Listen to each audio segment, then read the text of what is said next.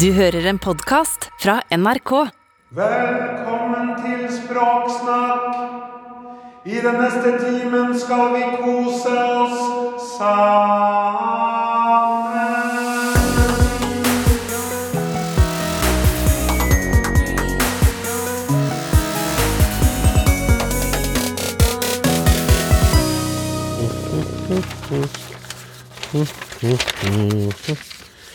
Ja, ja, eh, hjertelig velkommen til radio på Roteloftet. Kjære, kjære språksnakklytter. Denne sendinga den blir nok litt annerledes enn ei vanlig sending, for å si det sånn. Eh, litt tilbakeblikk, eh, noe helt ferskt, og en forhåpentligvis fin påskemiks på denne så skal vi si, høytidelige og religiøse dagen for dem som da tror, da. Og jeg tenkte vi skulle starte med Dere skjønner at før jul like før jul så tenkte jeg jeg skulle ha en sånn slags eh, tilbakeskuende spesialsending som aldri ble noe av, for jeg ble satt i karantene. Jeg var jo aldri syk, men jeg satt isolert nede i kjelleren i tre dager, ute av stand til å lage eh, radio. Og eh, dermed så fikk jeg aldri tatt det her tilbakeblikket på det første språksnakkåret. Så har jeg veldig lyst likevel, fordi i den aller første sendinga så var vi inne på et tema som dessverre fortsatt eh, er delvis eh, relevant, som man sier. Og der starta jeg da, som fersk programleder i det her programmet, med å skrifte for en eh, veldig hyggelig språkforsker som tok imot mitt skriftemål på beste vis, og siden har hun vært med mange ganger. Men der var hun også ny i denne sammenhengen, da. Eh, og hun jeg snakker om er Ellen Andenes. Og det som jeg snakka om, det var det min opplevelse av å, å skulle presentere noe og måtte gjøre det på skjerm fordi det var pandemi. Hør på det her. For et par måneder siden så fikk jeg altså et ublidt møte med vår, med vår nye digitale hverdag. Jeg skulle legge fram det som etter min mening var en genial idé til et nytt konsept, men for første gang noensinne så måtte jeg gjøre presentasjon på nett. Det var masse folk på møtet, de andre satt på Østlandet, jeg var alene i Trondheim. Alle muta seg, altså de slo av lyden, og flere ansikter forsvant også idet jeg begynte. De bare tok vekk kameraet. Og det var som å snakke til en vegg. Jeg hørte ikke latter, jeg hørte ikke kremting, humring eller sukk. Og jeg ble etter hvert veldig usikker på det jeg sjøl sa. Språket mitt ble annerledes. Det var jeg som snakka, men det hørtes ikke ut som meg.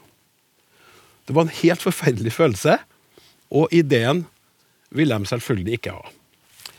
Så da, Ellen, da lurer jeg på Hva tror du er grunnen til at språket mitt ble så stivt og rart? Jo, altså det som skjedde, det var jo at du fikk en helt naturlig reaksjon på at du ikke fikk noe tilbake. Du fikk ikke noen signaler på om folk fulgte med eller ikke. Du hadde ikke blikkontakt med folk. Det har vi veldig sjelden i nettmøter. Og det som vanligvis skjer da, altså hvis jeg skal fortelle noe artig til deg, eksempel, og du ser litt til sida og holder ansiktet helt nøytralt, så er jeg nødt til å tolke det som et signal på at dette er ikke noe artig for deg. Du følger ikke med. Eh, Du syns egentlig jeg burde bli fort ferdig. Og da vil intonasjonen bli flatere, stemmen litt tynnere, språket litt dårligere, tempo lavere. Sånn er det. Og da blir du mindre og mindre artig å høre på. Dette pleier jeg å forklare for studentene mine hvis jeg ikke syns de gir nok Ja. respons i løpet av en forelesning. Ja, For det er helt nødvendig. Ja, det er nødvendig, men det er også helt forferdelig, det som skjer. Det er veldig ubehagelig. Eh, altså, man, man mister seg jo sjøl. Man blir liksom borte i det hele.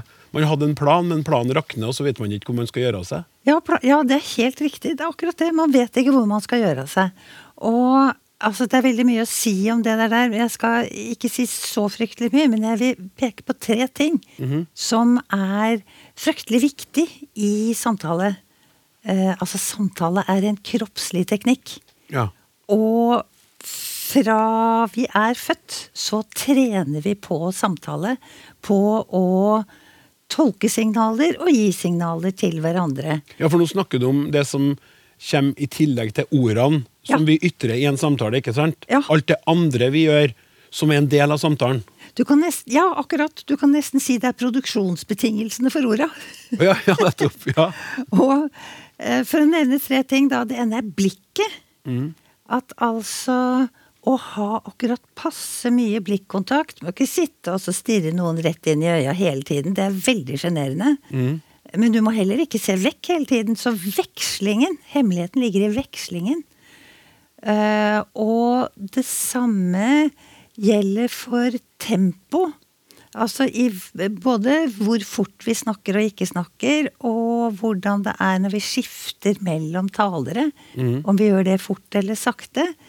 Og i ansikt-til-ansikt-samtaler så blir det en naturlig rytme av taushet og tale. Ja. Så det er to momenter som er kjempeviktige. Uh, og så er det det at det fins ikke noe nullpunkt.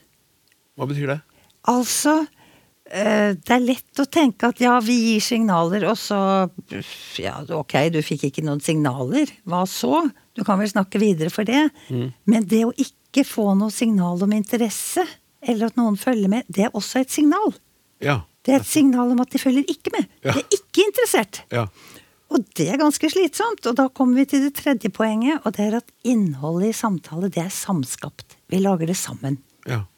Du gir meg nå stadig sånne små feedback-signaler. Ja, sier du. Og så nikker du, og så smiler du litt. Ja, ja, nettopp. Så jeg vet at du følger med. Og vi veksler mellom å ha øyekontakt og ikke. Ja, vi veksla mellom å ha øyekontakt og ikke. Det har vi gjort mange ganger siden, jeg og Ellen. Og det var også hun som eh, presenterte begrepet zoom fatigue for både meg og dere eh, lyttere som hørte på den sendinga. Altså det med å bli utslitt av og føle på en slags tomhet når man sitter på sånne møter i time etter time og ikke har direkte kontakt med mennesker.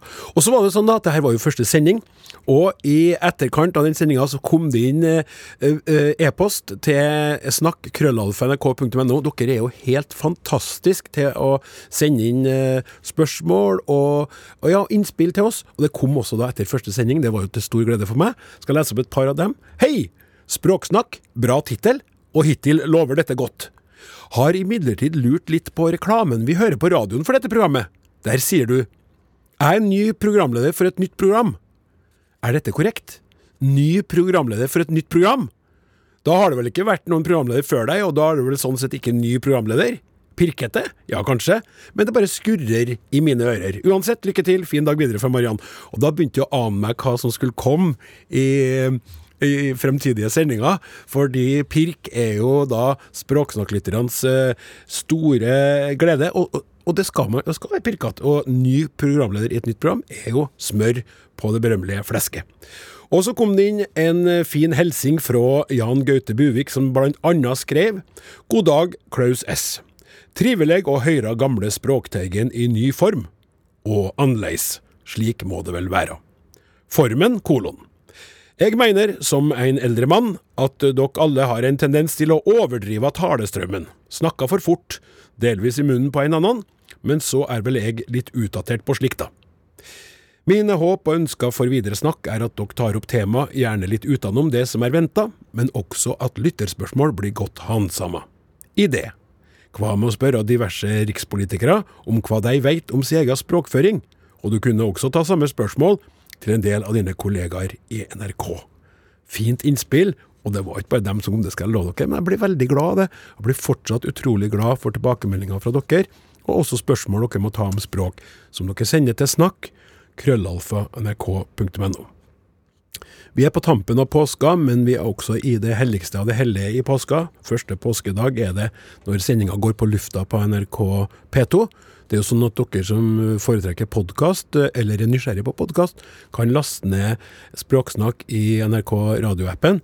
Men altså, vi er nå her vi er, og da kan det være på sin plass å eh, by på en liten godbit fra fjorårets første sesong, der vi snakker om påske og palmesøndag osv. Hvor kommer de her ordene egentlig fra? Natta mellom påskeaften og første påskedag så er den stille uke over. Da har vi vært gjennom palmesøndag, skjærtorsdag, langfredag, og det er jo selvsagt en grunn til at de her dagene har de navnene de har. Og så er det jo sjølve påska, da. Merete Thomassen, du er fortsatt med oss. Mm. gudstjenesteforsker og greier. Ja, Påske. Hva er opprinnelsen til det ordet? Det kommer fra hebraisk. Det er eh, det hebraiske ordet pesach, som betyr å gå forbi. Og det er etter etter israelittenes flukt fra Egypt, hvor de kvelden før de skulle forlate eller rømme, så fikk de beskjed om å male blod fra påskelammet på dørstolpen sin, fordi den natta skulle dødsengelen gå forbi og knerte alle de førstefødte i Egypt. Ja. Men der hvor det var malt blod på dørkarmen, så gikk dødsengelen forbi. Så det er en ganske brutal forklaring på det ordet der. Jeg vet du hva? Jeg, jeg leste meg opp på det til denne sendinga. Hadde glemt det. Husker at jeg ble det fortalt da jeg var i kirka som barn. Og så lurer folk på hvorfor vi leser krim i påska. Ja, Altså Det er nesten komisk at vi driver og spør oss om det.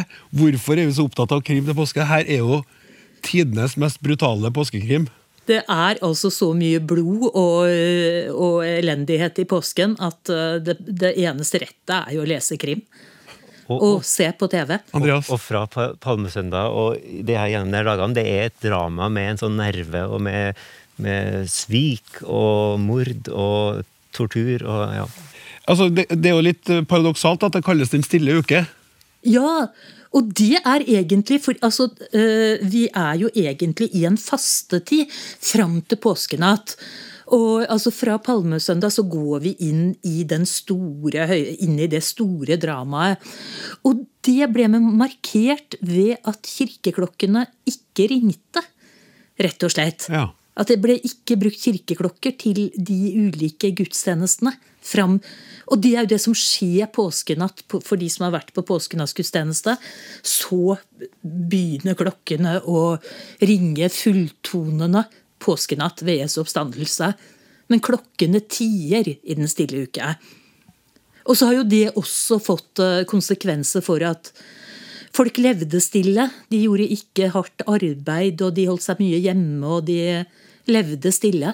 Men det er faktisk klokkeringinga, eller fraværet av klokkeringinga, som har eh, gitt eh, den det navnet. Og Du nevnte jo at innledningen til det var palmesøndag. Ja, Palmesøndag har fått navnet sitt fordi det er den dagen Jesus rir inn i Jerusalem på et esel. Og der står folk og hyller han med palmegreiner. Så Ja. det, det er liksom oppstarten da, hvor Jesus drar opp til Jerusalem for å lide og dø. Uff. Eh, eh, Andreas, eh, du er både sogneprest og språkviter. Eh, eh, skjærtorsdag, har vi noe hyggelig å si om den dagen? Ja, Det er mer hyggelig enn man skulle tro. Ja. for det får, Umiddelbart så begynner jeg å tenke på skjærsilden og sånne ting. Men um, ordet skjær det går tilbake til, mm, til gammelnorsk. Skiri. Det, betyr å, å bli rein.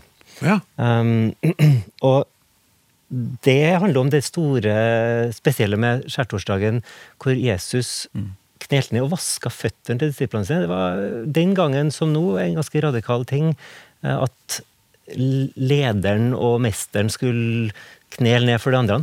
Um, så at um, det er det ordet. Det, er litt sånn spennende eh, link over til engelsk òg. De engelske ordene er jo Monday Thursday for uh, skjærtorsdag, og så er det Good Friday for langfredag. Og Monday går tilbake til latin, mandatum, eh, som betyr et bud. Fordi Jesus sier da i et av de evang- i Johannes-evangeliet nå gir dere et nytt bud. Dere skal tjene hverandre.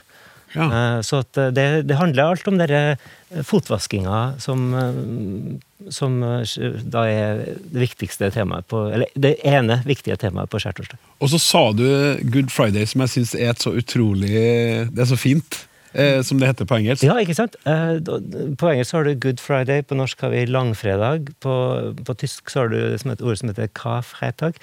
Um, det er litt forskjellige fokus. Langfredag er jo den lidelsen eh, på korset som Hvor folk hadde en følelse av at det her må ha vært en kjempelang, smertefull lidelse, selv om Jesus egentlig jo dør før eh, folk stort sett døde når de hang på et kors.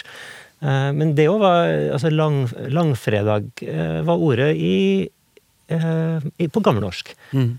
Og, og på gammelengelsk faktisk så var det langfredag. Men ut gjennom for, eh, språkhistorien på engelsk så tok de i bruk good, som da ikke betydde god, sånn som det gjorde i dag, men som betydde hellig. Uh, og da, det, jeg tror det er noen språk, noen av de romanske språkene, så snakker man om den hellige uka. Også på engelsk så snakker man om den hellige uka. Mens på tysk så er det hva fredag. Det handler om sorg og, og sørge. Ja. Uh, care, Ordet care er faktisk uh, beslekta med uh, kar. Så at det er sørgefredagen, eller langefredagen, eller den hellige fredagen. Da kan jeg bare si danke, thank you, tusen takk. Og så kan jeg fortsette med å si at du hører på radio fra Roteloftet. Eh, Språksnakk, eh, en slags spesialsending. Eh, og den påskediskusjonen du nettopp lytta til, den var da fra påska i fjor. Men like aktuell i år, vil jeg tørre påstå. Her jeg står og blar gjennom noen gamle, kan jeg kalle dem nå, da, fine e-poster fra lyttere som har sendt inn sine tanker om nynorsken i fjor høst, på senhøsten, hadde vi en nynorsk spesial. spesial. Vi diskuterte nynorskens stå, eh, ståa med nynorsken i Norge nå og for, for fremtida. Og mange kompetente mennesker var innom studio, og så spurte jeg dere lytterne om hva dere tenkte om nynorsken. Så kom det inn veldig mange fine, eh, ganske lange brev som jeg ikke fikk ta tak i. Og det var en av de tingene jeg hadde lyst til å ta tak i i den julespesialen som jeg ble forhindra fra å gjennomføre. Og nynorsken er så viktig, og derfor så føler jeg at det er på sin plass å løfte eh, fram de her meldingene nå. Noen av dem i alle fall. Jeg kan dessverre ikke ta alle, for da måtte jeg brukt hele timen på å leste opp eh, eh, e-poster til snakkekrøllalfa.nrk.no. Vi begynner med en lynkort melding fra Ruth Eli Jensen. Nynorsk er poesiens språk. Bare hør på forskjellen mellom kjærlighet og kjærleik. Kjærlig hilsen fra Ruth Eli. Den er fin. Og så har vi fått en litt lengre betraktning. Ivar Aasen var et stillfarende geni. Han lyfta fram det rike norske folkemålet, og fant så mange fellestrekk i grammatikk og ordbruk at vi fikk et eget nasjonalspråk, nynorsk, i tillegg til det importerte bokspråket vi alt hadde. Jeg tykker det er altfor lite kunnskap om slike grunnleggende historiske fakta i samfunnet i dag. Nynorsk målreising frigjorde mange distrikt og mennesker fra vanetenking, pugg og åndstvang, og var med på å gjøre store folkegrupper og enkeltmennesker mer selvstendige. Som Tarjei Vesaas sa så treffende, det går mangt eit menneske og ser seg fritt ikring takk være Ivar Aasen. Alle fordommer til sides, mener jeg det er eit, ei viktig samfunnsoppgave i dag, både for radikale og konservative, å ta vare på og fremme nynorsken, med helsing Hallgrim Berg, tidligere leder i Løvebakken Mållag. Tusen takk, Hallgrim, for det eh, innspillet, som først nå ble lest opp på radio. Og så skal jeg trekke pusten, for nå skal jeg lese en eh, litt eh, lengre utgreiing om nynorsk som jeg syns er veldig fin. Jeg måtte korte den litt ned, men eh, hør bare her. Gode språksnakk. Du spør hva jeg tykker om, hva jeg tykker om nynorsk. Om jeg er fylt av elsk eller hat eller likesæle. Takk som spør. Du ville vel aldri spurt hva jeg tykker om bokmål? Det ville vel være like meningsløst som å spørre hva jeg tykker om luft. Det korte svaret er jeg elsker nynorsk nesten like høyt som frisk luft. Jeg tror det er fordi jeg har pusta inn og ut denne lufta fra jeg ble født inn i verden. Du vil kanskje innvende at det ikke skjedde før jeg lærte å lese? På et vis har du vel rett, men det skjedde så umerkende samstundes som jeg lærte bokstavene. Heimelufta glei så lett inn i det nye vinddraget. Seinere fylte frisklufta skoleåra. Bare sjeldan merkas eh, tilfeldige gufs av det de kalla bokmål. Vi trodde det var bymål. Av og til prøvde vi å herme etter det når vi lekte. Vi trodde det var nok at vi sa jeg og ikke og sløyfa hokjønn. På skolen lærte jeg å synge mellom bakkar og berg og fagert er landet og de gamle fjell i syning om. Det kan vel ha gjort sitt, Dessuten var jeg mer enn middels interessert i språk. Lenge før jeg var konfirmert hadde jeg forska til bunns i kasusvekslinga i Romsdalsmålet, og undres på hvorfor det ikke sto noe om dette i norskgrammatikken. Det er så herlig. Når jeg kom på realskolen og begynte å lære tysk, gikk det brått opp for meg at tyskerne gjør just slik som vi gjør her, oppe i avkroken av Norge. Siden har jeg blitt mer og mer overbevist om at små språkgrupper kan ha et minst like rikt utvikla språk som værspråka ikke minst etter at jeg havna som lærer en stad nord i Sápmi. Der oppdaga jeg at sjuåringer kunne Borat, ete, med flere hundre grammatiske bøyingsformer, medan fullvoksne nordmenn bare kan ete, et, åt og har ete. Ennå skriver det store flertallet nordmenn et langt mer konservativt språk enn det de snakker. For eksempel er det full forvirring om det norske systemet med tre grammatiske kjønn. Således heter det gjerne klimakrisa og helgefylla og hele røkla i hokjønn. Men moren og datteren og dronningen er som regel hankjønn, medan jenta er hokjønn. Hvorfor skal jeg bry meg om hva som skjer med bokmålet, kan noen spørre, når det er nynorsk som er bruksspråket mitt? Til det er å svare når bokmålet bruker kjøttvekta si uhemma til å presse nynorsken unna, og hvis de vinner den ujamne brytekampen, kan vi en dag stå attmed ett norsk språk som nynorskfolk ikke har noen innvirkning på, hvis ikke engelsksyka innen den tid har gjort kort prosess. Norsk språk er herlig, mannfall, herlig mannfall, mangfoldig. Jeg er glad og stolt over at det norske samfunnet etter hvert har åpna for pinsedagstilstander i skole og stortingssal, på idrettsbane og kringkasting. At dialektskriving breier seg, på, breier seg på digitale plattformer, kan vel også bidra til den språklige frigjøringa, sjøl om rettskrivingsforvirringa kan breie seg i mesterlaget.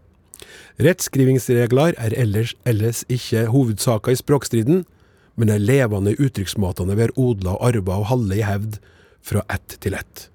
Om, him om himmelen velsigner oss med snø, eller snø, eller snjo, eller sjog, eller sne, eller snøv, er ikke et spørsmål om liv eller død. Ser vi romslig på det, er svensk en nordisk talemålsvariant på linje med halling og jærbu og nordfjording og helgelending. Så hvis vi har for mange skriftspråk, kunne vi kanskje like godt slå det sammen til ett skandinavisk. Danskene ville sikkert godta hva som helst, for de bryr seg ikke om bokstavene lell. Beste hilsing Sverre Hatle Surnadal. Og Sverre, jeg er så glad for at jeg endelig har fått lest opp eh, brevet ditt, eh, mesteparten av det, på Språksnakk. Men så kjente jeg også, etter å ha lest de her brevene og mange andre, en, en sånn bekymring likevel for situasjonen til, til nynorsken. Sjøl etter den nynorskspesialen vi hadde, som jeg anbefaler deg å høre på hvis du ikke har hørt den. Så jeg tok en telefon til eh, språkdirektøren sjøl for å bli beroliga. Hei, Åse. Hei, Åse! Det, det, det, det er Klaus Sonstad som ringer deg. Beklager at jeg forstyrrer. Det går bra. Ja, jeg, jeg har et spørsmål på vegne av eh, meg sjøl og Språksnakk. her. Du, Jeg satt og leste gjennom Vi hadde jo nettopp eh, den her nynorsk-spesialen som du var med på. og eh, etter det så kom det inn eh, så fine e-poster som jeg har sittet og lest opp nå, eh, fra forskjellige folk som er veldig glad i nynorsken. Og så fikk jeg en sånn eh, Jeg ble, sånn, eh, jeg ble litt nervøs på nynorskens vegne. Jeg syns det er så skummelt, alt som skjer. Eh, Så jeg ville bare ringe deg for å få Ja, muligens så kan ikke du gi meg noe trøst, men jeg, altså Språkteigen som jeg tok over for, holdt det gående i 27 år. Så hvis vi hopper 25 år fram i tid og tenker at Språksnakk fortsatt eksisterer da, hva, hva tror du som språkdirektør og som veldig, veldig språkinteressert har vi nynorsken fortsatt? Hvordan, er det der framme? Ja, det kan jeg si et ubetinga ja til. Og eh, det, det var kanskje litt sånn eh, mollklang over en del av det vi snakket om i Nynorsk spesial, men det jeg kan si det er at sammenligna med veldig mange andre av verdens språk, så står det utrolig godt til med nynorsk. Nynorsk er et språk som faktisk i verdenssammenheng har veldig mange skriftspråksbrukere. Og i tillegg så er det et av de to offisielle norske skriftspråkene. Det er lover som blir skrevet på nynorsk, vi underviser i nynorsk i skolen. Staten og kommunene bruker nynorsk. Mange enkeltpersoner som bruker nynorsk. Så grunnleggende så står det bra til med nynorsk. Ja, så det, det er ikke noe grunn til å miste nattesøvnen og sånn, da? Nei, det er ikke noen grunn til å miste nattesøvnen, men vi skal ta godt vare på nynorsk som det minst brukte språket av de to likestilte norske skriftspråkene. For det er under press, og vi ser at eh, det ikke alltid blir valgt i sammenhenger der det burde blitt valgt, og vi ser dessverre òg at eh, det ofte er vanskelig for den enkelte nynorskbrukeren å få tilgang til språket sitt, og det er et stort problem. Ja, Og der kan jo vi Språksnakk utgjøre en forskjell òg. Vi kan være med å, og, og, snakke om det her og løfte fram og, og, og konfrontere politikere og, og, og, og kjempe nynorskens sak. Absolutt, og det er jo derfor vi har en aktiv språkpolitikk òg. For disse tingene de løser seg ikke av seg selv. Vi vet jo i verdenssammenheng at store språk har en tendens til å spise små språk, eller de som er mindre enn seg, og de mindre språkene spiser de som er enda mindre. Så hvis vi ikke passer på og gir språkmangfoldet vårt rom, så taper vi viktige kultur og viktige redskaper for deltakelse og demokrati og ytringsfrihet. Ja. Takk skal du ha. God påske videre. Språksnakk. Fra bekymringsdempende samtale med Språkrådets direktør over til Ut med språket. Det er jo en eh, stolpe, spalte, et innslag i dette programmet som jeg setter veldig stor pris på. Håper dere lytterne også gjør det. Der eh, intervjuer vi eh, forskjellige mennesker om deres forhold til språk privat og profesjonelt. Og så har vi kun ett fast spørsmål, og det kommer helt til slutt. Da har jeg, ord, jeg er glad i ordspill, så sier jeg f.eks. Anette Trettebergstuen, ut med språket, hva er ditt favorittord? Og så kommer de med det, og det gleder jeg meg alltid til. Og da, det får jeg faktisk ikke vite på forhånd, for jeg vil bli overraska akkurat som dere som hører på. Og nå tenkte jeg vi skulle by på et lite knippe med, med sånne favorittord fra 2022. Så langt, ikke alle, men eh, noen utvalgte. Og vi starter med tidligere nevnte eh, kulturminister Anette Trettebergstuen. Ja, og det er ikke fordi at jeg sitter oppe på Marienlyst, men mitt favorittord, og det hadde vært eh, så lenge jeg kan huske, det er allmennkringkaster. Jeg må sikkert forklare jeg må si, ja, det er faktisk Ja, det må du selvfølgelig forklare forklare. Allmennkringkaster eller rikskringkaster. Jo, det er et ord som hvis du sier det høyt, allmennkringkaster, det, det, det, det ruller så godt på tunga, det er så mektig, det er så mm, Ja, det er et mektig ord. eh, og så er betydningen av det så fint. Det å kringkaste nyheter og underholdning og viktigheter til hele folket. Ja. Så det er en kombinasjon av hva det betyr, men også at det høres så flott og mektig ut. Allmennkringkasting. Allmennkringkasting. Mm. det- altså, den så ikke jeg kom, men når, når det ordet først kom, så fikk jeg litt gåsehud her. Ja, Kanskje det handler om at jeg er en del av allmennkringkastingen for tida sjøl. Ja, jeg digger det. For å si det litt enkelt. God stemning der. Kultur- og likestillingsminister eh, Anette Trettebergstuen, for å være helt korrekt. Vi går videre til en eh, jovial og oppegående kar eh, fra Toten. Han driver Instagram-kontoen BA-desken, som har mange hundre tusen følgere. Han boltrer seg i godsaker fra norske lokalaviser, og har gjort ja, spredd glede og gjort karriere, eller furore, med det. Ken André Ottesen. Dette har jeg tenkt mye på. Og jeg hadde noen, og så ombestemte jeg meg. Og så kom jeg på at ombestemme er mitt favorittord. Det er ikke det vakreste ordet i det norske språket, får vi si, eh, men det er et av de viktigste. Ombestemme. Altså at du, du, du har gjort noe som du finner ut at er feil. Du lærer av feilene dine, og så ombestemmer du deg. Hele livet er jo en endeløs rekke av liksom ombestemmelser. Og det at vi liksom som folk da klarer å ombestemme oss Nå så vi før jul, så var det en hel haug med folk som ombestemte seg. De var egentlig, hadde egentlig ikke tenkt å ta vaksine. Hadde lest opp litt, fått noen råd, ombestemte seg eh, og tok eh, vaksine. Jeg syns ombestemme er veldig, eh, veldig fint og viktig. Fint og viktig, og et viktig og fint arbeid gjør også Wasim Sahid, som er spesialist i indremedisin og kardiologi, og skribent og foredragsholder og forfatter. Jeg lurer på hva som var hans favorittord? Jeg må si at uh, måten jeg tenkte på, da, det var at hvis alle ordene hadde blitt borte, og vi kun kunne hatt ett ord igjen og Hvis vi bruker den tankegangen for å kåre det viktigste ordet, så tenker jeg at det viktigste ordet må være ja. Hvis vi kun hadde hatt ett ord, så hadde det vært det mest nyttige i kommunikasjonen mellom mennesker.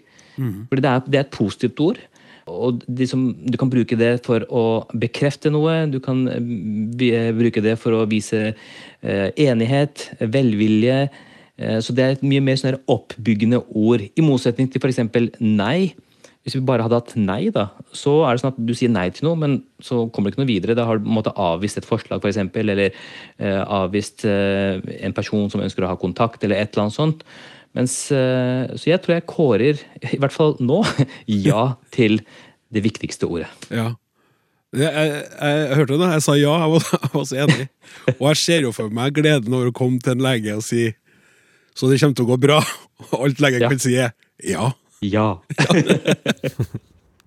Ja, eh, ja, der sa jeg ja igjen. Du, kjære lytter, du hører på en påskespesial med Språksnakk, radio fra Roteloftet. Og når det gjelder Wasim Sahid, så har jeg bare lyst til å ta med en ekstra ting, for jeg syns det var så interessant det han fortalte om YouTube-kanalen sin. Eller faktisk, han har to YouTube-kanaler der han informerer om helse og medisin og sånne ting. Fordi han snakker både til uh, folk som eh, forstår norsk best, og så har han en kanal på urdu, og der er det en betydelig forskjell. Og så har du en YouTube-kanal eh, der du snakker norsk, og så har du også en YouTube-kanal der du annet snakker urdu. Mm, Der du, der du har eh, informert om koronasituasjonen. ja. Eh, blant annet, hvordan er den blitt mottatt, da? Den er blitt mottatt veldig godt. Ja. Um, jeg har eh, Fordi det er, det er faktisk fortsatt en del folk som eh, og det er litt dumt, som på en måte har bodd i Norge i mange år, men som fortsatt ikke behersker norsk godt nok til å forstå eh, informasjonen fra eh, myndighetene. Som for øvrig heller ikke er veldig tilgjengelig, må jeg si. Eh, Jeg selv har jo som er lege og, og er liksom godt integrert i det norske samfunnet og kan det norske språket. Når jeg skal eh, finne de siste, mest oppdaterte retningslinjene på hva som er karantene og hvem som skal og når og sånne ting, så er det ikke lett. For når du kommer inn på en side til Helsedirektoratet for å finne ut det du skal, så plutselig så får du en link til FHI, og så må du gå dit, og så må du lete deg frem der. Så Jeg skriver er enig i lufta altså. foran meg nå med store bokstaver. jeg er så enig med deg. Det er helt forferdelig. Og da kan man jo bare tenke Nei, seg jeg da, da tenkte jeg vi får prøve å lage litt informasjon som er litt mer eh, tilgjengelig. da. Og det var, fikk en del tilbakemelding på at det var spesielt eldre eh, med norsk-pakistansk bakgrunn som satte veldig stor pris på det. Ja, eh, Hvilken forskjell, om noen, er det på måten du snakker på, og hvilke ord du bruker osv. på den norske YouTube-kanalen og urdu-kanalen? Er, er, er du to forskjellige YouTube-programledere der? Ja, du, det, er, det er et veldig godt spørsmål. Fordi jeg, eh, jeg prater på veldig forskjellige måter når jeg prater urdu, eh, enn om jeg prater norsk. Fordi det som er urdu, da, som er det offisielle pakistanske språket, det er et svært formelt språk. Det er et veldig eh, det er et helt annet nivå av høflighet og, og respekt i språket. Eh, og eh, man skal liksom ikke være Man skal ikke bruke slang, man skal ikke være veldig muntlig. Så når man snakker på urdu, så er det på en måte eh, Ja, formuleringene er annerledes. Jeg sier f.eks. aldri du. For eksempel, jeg kan sitte på den norske YouTube-kanalen min så sier jeg at når du har vondt i hodet, så kan det være sånn. Sånn kan jeg ikke si på den urdu-kanalen. Da må jeg bruke de, f.eks. ved tiltaleform. En høflig tiltaleform. Altså Når de har vondt i hodet, så bør de gjøre dette. Hvis du forstår hva jeg mener. Ja, ja, ja, Eh. Så det, det er ganske stor forskjell eh, på, på måten å kommunisere på, på de to språkene. Så interessant. Og da, da må jeg jo eh, gå videre med å spørre deg, hva syns du, da du begynte med YouTube-prosjektet ditt, da, hva, hva var den største forskjellen på å snakke til kamera om de her tingene, og det å holde et foredrag foran mennesker? For det er jo veldig annerledes. altså Nå gjør vi jo det veldig mange, vi sitter jo på Teams og sånn, men du som lager du, du sitter jo i et studio alene, du rigger opp, du har jo ikke noen som filmer deg sånn, du gjør det sjøl, ikke Nei. Jeg gjør alt selv, ja. Ja, du, er, du er helt aleine? ja. Ja, hvordan er det? Hvordan Det er det? er, jo, altså det er jo litt rart at du sitter i et rom helt alene og snakker for deg selv. Så Hvis det ikke hadde vært et kamera der, så hadde jo folk trodd du kanskje ikke var helt ved dine fulle. Diagnose! ikke sant? Så, men eh, du venner deg ganske raskt til det. Eh, Men eh, det, det hender jo. For eksempel så har jeg setter opp et kamera på kontoret mitt på jobben etter jobben og spiller inn noen videoer. Eh, Og så hender det at jeg midt i innspillingen så kommer en kollega inn i rommet. Og det er ikke og, og da er det ikke irriterende eh, å bli avbrutt, men det er bare så utrolig flaut at, at noen kommer inn mens du sitter og snakker i et kamera. Eh, så det er, det er ganske rar eh, Fortsatt, selv om man blir vant til det, så er det ganske Man blir vant til å gjøre det alene, men det er ganske pinlig å gjøre det foran andre fortsatt. Unnskyld. Da er vi tilbake fra den lille avsporinga, og vi skal fortsette eh, favorittordrekka med komiker, lærer, foredragsholder og journalist Dora Thoralsdottir. Jeg vet veldig godt hva som er mitt favorittord. Jeg husker at jeg fikk dette stilt eh, i ungdomstiden på ungdomsskolen, og da svarte jeg det som fremdeles er favorittordet mitt. Eh, så jeg er faktisk litt bevisst på dette ordet her, og det er ordet hjem. Da jeg var 14, så tenkte jeg at hjem forbinder jeg med trygghet. Og så har jeg blitt eldre, og nå er det på en måte delt opp litt. sånn at fordi jeg jobber som terapeut, så vet jeg at oppveksten har så mye å si. Så hva slags hjem du vokste opp i, avgjør egentlig livskvaliteten på livet ditt. Så hjem, hvis du forbinder det med noe godt, særlig når du tenker på oppvekst, så har du vært veldig heldig. Det er et godt sted å komme hjem. Eh, og så tenker jeg når vi blir voksne, så skaper vi et hjem for våre barn, som også påvirker hvordan de får det som voksne. Hvilken atmosfære skaper jeg i det hjemmet eh, som voksen? Og så tror jeg også, fordi jeg er så innmari nyforelska nå, og vi driver og bygger en hytte, og vi skal flytte sammen etter hvert, så har jeg blitt så veldig opptatt av vårt fremtidige hjem. Så jeg legger så mye i det, fordi at det er der livet foregår, på mange måter. Og det er der det er så godt å komme tilbake igjen. Så for meg så er det ordet hjem Det, det ligger veldig mye i det for meg. Så det vil jeg si. Hjem. Eh, Helt nydelig. Ja. Nei, jeg syns det er bare et godt ord. For meg, i hvert fall.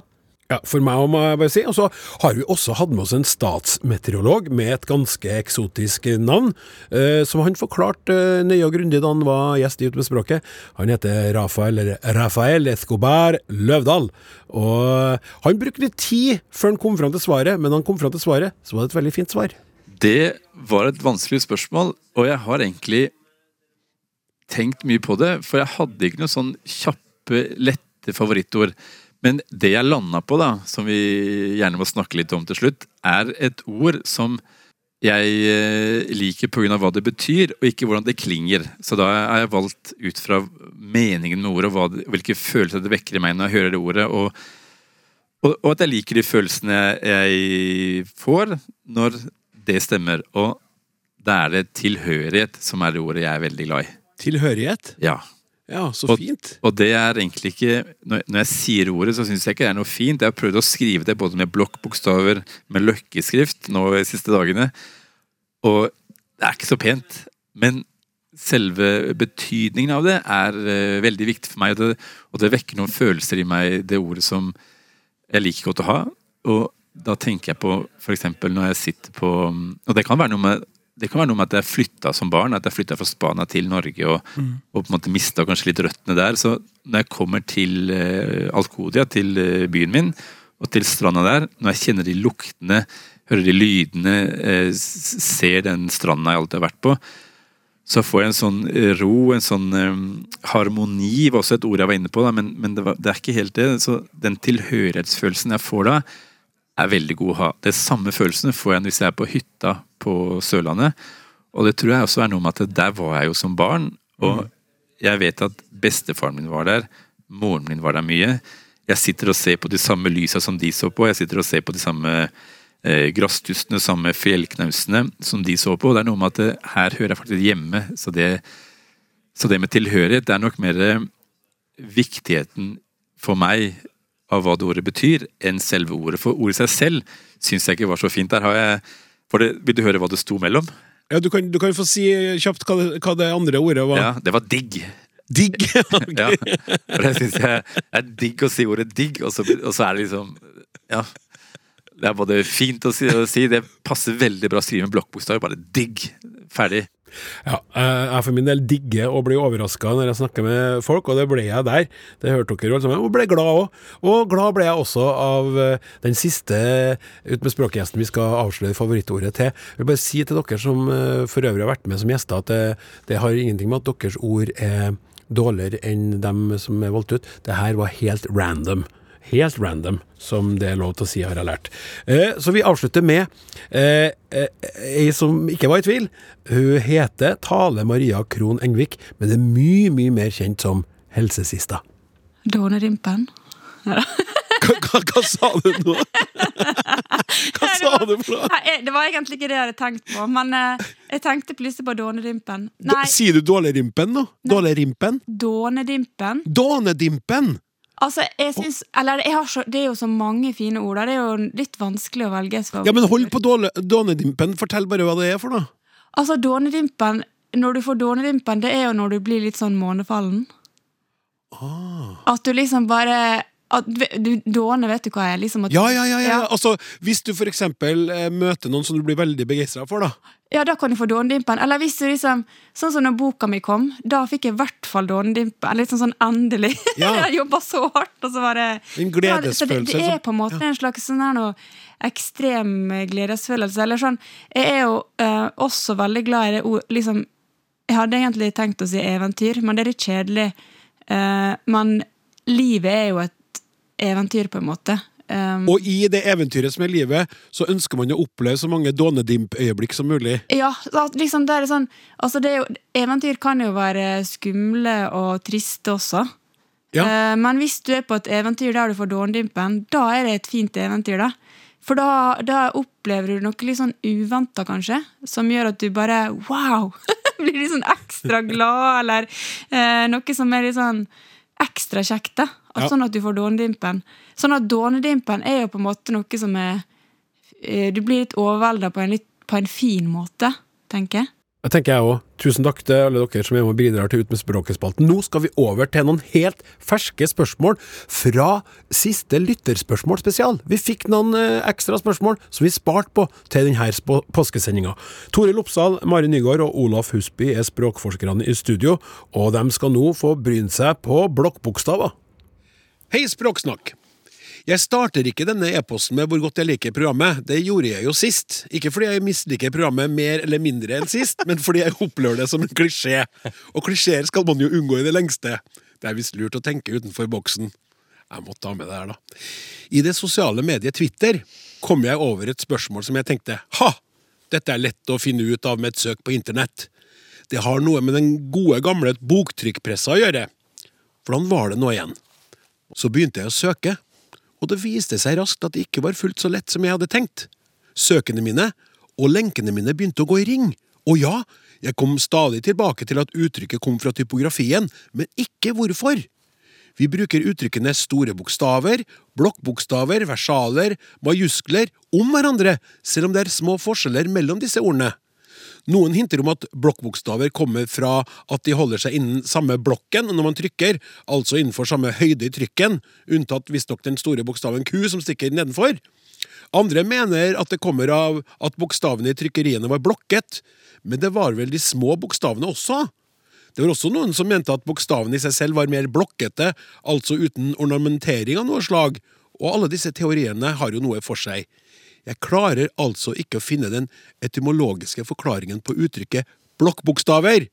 Kan dere hjelpe meg? Med vennlig hilsen Carl Reksten Tellefsen, språkinteressert. Ja, Ja, jeg, jo, det var jo ei veldig god utredning, og jeg på en måte, når jeg prøvde å undersøke der, så var jeg gjennom samme sirkelen som han var. og Det er ikke sikkert at jeg har funnet svaret, men jeg tror nøkkelen her egentlig ligger i ordet blokka. Så det er nok en, en bokstav som, som står på ei blokk. Og så har det da blitt avgrensa til jeg tror, moderne tid å bety det vi kaller store bokstaver. Men så er jo problemet her at ordet stor her kan bety forskjellige ting. Jeg kan jo skrive en liten a som en stor bokstav, ikke sant? I, i, i, i utstrekning. Og så har du da store bokstaver som har en annen form.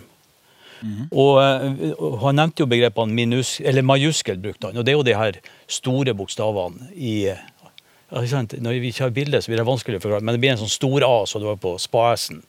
Ja. Ja. Jeg har aldri hørt om majuskel, jeg har hørt om minus, eh, Ja, minuskel er de små. Og så har du majuskel, som er de store. Og versal er det samme som majuskel. Pussig med versal at vi har ikke noe ord i, den, eh, i det settet for de små bokstavene. Versal er lik majuskel, er lik blokkbokstav. Men jeg, jeg tror jo òg at begrepet blokkbokstav noen gang utvider seg til å gjelde bokstaver som på en måte er skrevet som om de sto i en firkant. og da kan det være altså Når vi skrev pent på skolen, eller hvis du får et skjema å fylle ut med blokkbokstaver, så hender det at jeg ikke skriver med majuskler, men jeg skriver sånn eh, minuskler, men sånn pent i samme, med samme volum bortover. Ja. Så du gjør ikke det du blir bedt om? Ja, eller så har jeg ikke riktig forstått oppgaven. riktig. Så, så det er blokk, blokkbokstaver kommer eh, Ja, jeg vil tro, altså Det betyr Ja, det er det er bokstaver som da var innenfor Kanskje går vi så langt som at vi er i ei gammel treblokk, hvor ting blir skåret ut, og så tilpasses det da en linje, ikke sant? Ja. Og, så, og så eh, skal du skifte noe, så napper du ut ei blokk, og så setter du inn ei annen. Ja. Og så har det da blitt begrenset til kun å gjelde de store majusklene, versalene. Ja. Jeg skulle ønske alle kunne se hvor fine bokstaver du tegner i lufta her, Ja. Olaf, for det er virkelig så tydelige former. Skulle ha hatt eh, sending, sending på, på, en- på NRK2, skulle Det jeg er jo til å disse si. her eh, kapiteler også, er det ikke det det heter? Mm. Altså Hvor du har formen av de store bokstavene, Mm. men størrelsen til de små. Ja, for det, ja. for det finnes i ja, Word, for eksempel. Men Ja, det er jo ikke tilsvarende. Du kan på en måte ikke blåse opp eh, Ja, det font kan jo selvfølgelig det, men de, du har ikke den tilsvarende med de små som kan bli Nei, og det ser du jo i, for eksempel når et avsnitt begynner, sant, at de bruker de bokstavene. Det gir en pen grafisk effekt. Ja. Men de som kan det her, er jo typografer. Ja. Virkelig. Vi har dessverre ikke noen typografer med oss i dag, så vi får klare oss med svaret ditt, Olaf, som jeg syns eh, sto til, til Hva heter det? Bestått. Bestått, takk. Eh, Vi eh, skal gå over til et spørsmål som dere alle skal få svar på. Det får dere jo for så vidt hele tida, men det rettes ut til dere alle tre. Det er fra Alice, som er, er fra Sandefjord. Hei!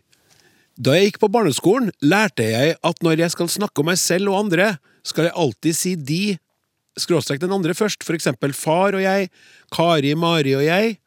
Nå hører jeg nesten konsekvent det motsatte. I tillegg brukes ofte pronomenet meg i stedet for jeg. For eksempel, meg og Kari gikk til byen. For meg lyder det uhøflig å si seg selv først, og feil å si meg i stedet for jeg. Hva tenker dere? Det er et godt spørsmål, syns jeg. Eh, Faktisk. Sjøl har jeg kjent på det. Jeg prøver å si mitt eget meg, meg til slutt. Prøver å være flink til å gjøre det. 52 er år gammel er jeg, da. Så jeg er opptatt av det. Jeg prøver å si sånn Toril, Olaf, Mari og jeg lagde språksnakk i dag. Ville jeg sagt. Ikke jeg og Toril og Olaf og Mari. Det er jo ikke et sånn språklig fenomen i og for seg. Her er noen slags høflighet. At man skal ta, trekke seg sjøl i bakgrunnen og så, og så og ta andre først. Det er jo ingen, ingen andre grunner til det. Jeg bare nevnte det, spor også de meksikanske kjenningene mine når de var på besøk, og de sa ja, ja, ja, det er akkurat det samme hos oss. og Vi har uttrykket først. Hvis jeg sier jeg og han Klaus, så sier de OK, nå går eselet først. Så det, man skal altså passe på at el, el Borro adelante, altså det skal ikke skje. Du skal, Eselet skal være sist, Ja. altså den som snakker. Ja. Men der er du jo inne på noe språklig, fordi dette her kan du jo da si at handler om det vi som, som vi kaller for informasjonsstruktur. Altså Den nye informasjonen pleier du jo gjerne å dytte lenger og lenger ute i setninga. Sånn at jeg er, er jeg, jeg, jeg, jeg er kjent i denne setninga, og så kommer, eh, kommer den neste. Men, men jeg tenkte jeg skulle nevne det er en språkforsker som heter Urd Vindenes, som har sett på, altså vi har prøvd å telle opp disse noen og jeg, eller jeg og noen, i, i det som fins av sånne talespråkskorpus, altså samlinger av, av samtaler, Ja. som er på, altså fra Oslo, eh, på Universitetet i Oslo, bl.a. fra 70-tallet. Og der er det overvekt av eh, Klaus og jeg. Men fra 2000-tallet så er det jeg og Klaus. så det har skjedd noe her. Men, men, men det er nok et, et stilnivå også. For jeg prøvde å forestille meg vår kjære konge si 'jeg og dronningen'. Og det, det går ikke. Det er dronningen og jeg. Ja. Eh, definitivt. Altså Der er det riktig stilnivå. Men jeg må, jeg, jeg må jo medgi at jeg kanskje har blitt mer av et esel eh, etter hvert. da, sånn at Ja, men eh, når du sier ja, Klaus to, Nei, ja, unnskyld. Toril, Olaf, Mari og jeg, så høres jo det litt sånn litt formelt ut. Og jeg tror nok kanskje at jeg, jeg sier nok det, men jeg sier ganske ofte jeg og Toril. Eller starte med seg sjøl. Mhm. Sånn at for noen, eh, og jeg kan se for meg for, også for yngre, eh, at den, eh, den rekkefølgen med 'jeg' til slutt nesten kan framstå litt sånn litt formell. Sånn, litt sånn unaturlig. Ja, det er jo den- nettopp den formelle nå- greia som du sier Nå nå. høres jeg ut som kongen. Det var Ja. ikke meninga. Når du sier det at det er fra 70-tallet, den endringa Ja. på 2000-tallet, det er jo, vi er jo blitt mer uformell i vår kommunikasjon. Sånn generelt. altså sånn, eh, Vi har den der, vi har de sosiale mediene, vi skriver på dialekt, vi, vi ytrer oss på en annen måte kanskje enn før. da, Og, og at kongen, eh, kongen representerer den her, eh, det bestandige evige, og må si da dronningen og jeg, i tillegg til at han kanskje vil få skikkelig kjeft av Sonja. Olav? Men Mari, du sa, du sa Ævå, Ævå Klaus. Ja. Og det er jo klart, den, for det første, Vi snakker om det der eufoni i, tidligere. Og den der V-en som kommer inn der, det er jo nettopp en lyd som settes inn for å hindre at du får den der æ og Ja. Og du har fått en V der, æv og Og når denne på en måte blir en del av et fast uttrykk, så betyr det at dette er noe som har vart en stund. Nå sier jo trøndere òg, altså når de sier jeg òg, så sier de jo æv òg. Ja, ja det kan jo være den som er jeg flyttet inn der. lita, ja. Mm. Vi fortsetter med et spørsmål fra Magnhild Folkvord. Hei! Takk til alle som er med på å gjøre Språksnakk til et program det er verdt å høre på. Jeg legger ved en illustrasjon til et spørsmål jeg mener kan være verdt en kommentar. En observasjon fra jernbanestasjonen i heimbyen til Språksnakk, som er Trondheim, da. Og det er et bilde av ei høne, faktisk. Og på, eh, på det bildet så står det 'ikke stå der og glo' med å. Kom inn, støtt lokal gårdsmat. Spørsmålet er om kommende generasjoner skal bry seg om at det er skilnad mellom og og å, eller om det bare er norsklærere og andre språknerder som skal holde fast på denne skilnaden. Spent på å høre om språkekspertene har noe å si om dette. Det er jeg overbevist om at de har. Toril, for eksempel. Ja, eh, eh, dette er supervanskelig. Altså, Man skulle tro at det var så enkelt. Uh, altså, Man har hørt fra man var en neve stor at å er infinitivsmerke, og og binder sammen to elementer. Men når vi snakker sammen, så høres de helt like ut. Det er å og å. Mari og Toril satte seg ned for å ta en prat med Olaf. De høres helt like ut. Eh, og, og det at man binder sammen med åg, og, det gjør at man også binder sammen infinitiver. Og det er da det begynner å, å, å koke litt, eh, sånn som i eksempelet fra, fra Magnhild Lytteren her også. Ehm, og de tilfellene der hvor det ikke er liksom snakk om å binde sammen lese og skrive, eh, og og det kanskje ikke er separate handlinger, så begynner det å bli litt komplisert. Man kan prøve å skrive, eh, og kanskje ikke prøve og skrive.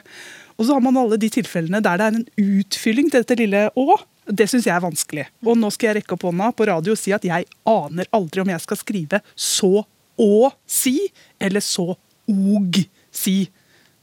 Nei. Veit dere det? Jeg lærte meg det fra Ja. dansk, så at sige. Ja, utmerket, for det var også den veien jeg Ja. gikk. Så der har du et å. Ja. Eh, og så er spørsmålet framtida. Altså, jeg tror, eh, altså, merkelig nok, så er det en del vi lytter til, også på radio, som sier og der hvor det strengt tatt grammatisk sett skulle være et å. Det er, det er mange eksempler på, på eh, ja, hyperkorreksjon, hvor man ønsker å være tydelig. Og det er jo en eh, flott sak. Så nå skal vi prøve å komme til bunns i dette fenomenet. Jeg føler meg ivaretatt, men, men strengt lenger til bunns, på en måte? Vi kommer ikke lenger til bunns uh, tar vann. med dette her. Uh, Så uh, det er komplisert. Eh, Det høres likt ut. Skriftspråket eh, kommer nok til å holde på, på denne distinksjonen en stund. Men det er flere og flere som gjør feil. Eh, Det har Det er det. merke til også. Ja, for, for nå har vi jo muligheten til å lese veldig manges tekster på ikke minst Facebook. Og der er det jo mange som skriver på dialekt, men også blant dem er mange venner. Blant dem som skriver da øh, Prøver å skrive bokmål, eller nynorsk, da, skal jeg si. Jeg sa det, faktisk. Ja, Så skriver de feil. Bruker og og og feil. Og antyder du nå, Toril Oppsal, antyder du nå her du sitter, og smiler at, eh, at, at, den er på vei, at den skillnaden skilnaden er på vei ut. Du sier at skriftspråket kommer til å beholde en stund, men eh, dere, det her er jo språkforskningsmateriale de luxe. Er, er, vil det bli en sammensmeltning, en fusjon? Eh, Jeg ser at uh, kollega Olaf her sitter og klør, så jeg lurer på om jeg skal si at jeg antyder at en del ting ligger til rette for at dette er et spørsmål som vil dukke opp seinere òg, men jeg tror det er fors gjort forsøk på å gjøre det. Stemmer ikke det? Tidligere? Jo, det Sitter og klør seg i hodet? Ja, altså, kilden til det problemet ligger jo i at, at de ordene er, er lydlig like. ikke sant? Og når du da skal ha én lyd ned og i to skriftformer, så er det ikke rart at det går i surr. Men eh, Landslaget for språklig samling de kom med et forslag som selvsagt ikke ble tatt følge. da. Landslaget for språklig samling, en organisasjon da, som Ja. måtte arbeide for la oss si, sammenfall mellom bokmål og nynorsk, de foreslo ganske enkelt slå å og og sammen i å. Og og og. og. Ja. ja, altså sa du ender Og, og, og. At du ender med bokstaven Å for alle. Problemet løst. Ja. Ja. Og innenfor et perspektiv med, med litt lydrett skriving, som tross alt ligger, ligger under norsk, så er jo det her en, en mulig vei. Jeg tror ikke den blir gjennomført. Hvorfor ikke? Jeg tror konservatismen i det å gjøre ting i, i, med språket på, på, på sånne signal Altså det her er noe som, som ligger så djupt. Det er nesten et sånn dannelsesideal. Du er, når du kan og og, da du, da er du god. Ja, så det er sånn skille, for at jeg, Min opplevelse er at veldig mange sliter med det. som det blir sagt, Du, du syns jo sjøl innimellom det er vanskelig, Toril. Dere er språkforskere og holder på hele tida. Eh, Kan jo være, men da må vi se litt lenger frem i tid. Kan du se for oss at om en sånn type 100 år Ja. Det blir jo sammensetninger på de organene i Språkrådet som avgjør det her, som bestemmer. Så da når må jo være et, et oppgitt eh, prosjekt, ikke sant? Men det, tror Ja. det, er det som bremser utviklinga litt, er at det er så tydelig grammatiske Ja, eh, ja. forskjeller her. På underordning, sideordning, Mm. utfylling. Så og og og eh, har ulike grammatiske funksjoner. Ja. Eh, når vi skriver, og når vi lærer å skrive. Eller og. Mm.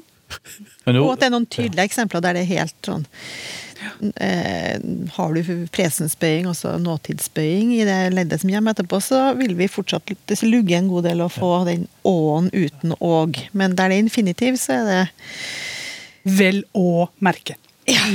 Ja. Jeg elsker å være programleder i Språksnakk, det er i hvert fall helt sikkert. Tusen takk til Toril Oppsal, Mari Nygaard og Olaf Husby, språkforskere alle tre, som var med i siste lytterspørsmål spesial. Har du et spørsmål, send det til snakk krøllalfa.nrk.no. Det var det vi hadde i denne Radio fra Roteloftet påskespesial. Martin Våge, Randi Lillealteren, Hilde Sahl og jeg, Klaus Sonstad, vi takker for at du hørte på, og si rett og slett bare vi snakkes!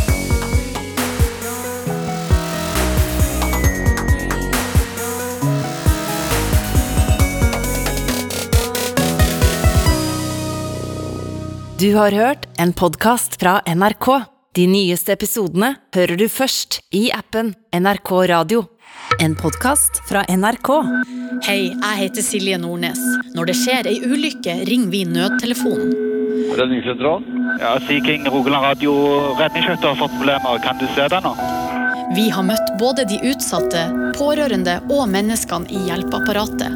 Pappa lå der, og så plutselig så, så jeg at han ble blå. Bli med og hør hva som skjer når vi er i nød og trenger hjelp. Da husker jeg og Sandra ser på hverandre og skjønner at det her gikk bra. da. Vi redda livet hans. Da kom på en måte tårene og, og følelsene. SOS Nødtelefonen sesong 2 med Silje Nordnes hører du først i appen NRK Radio.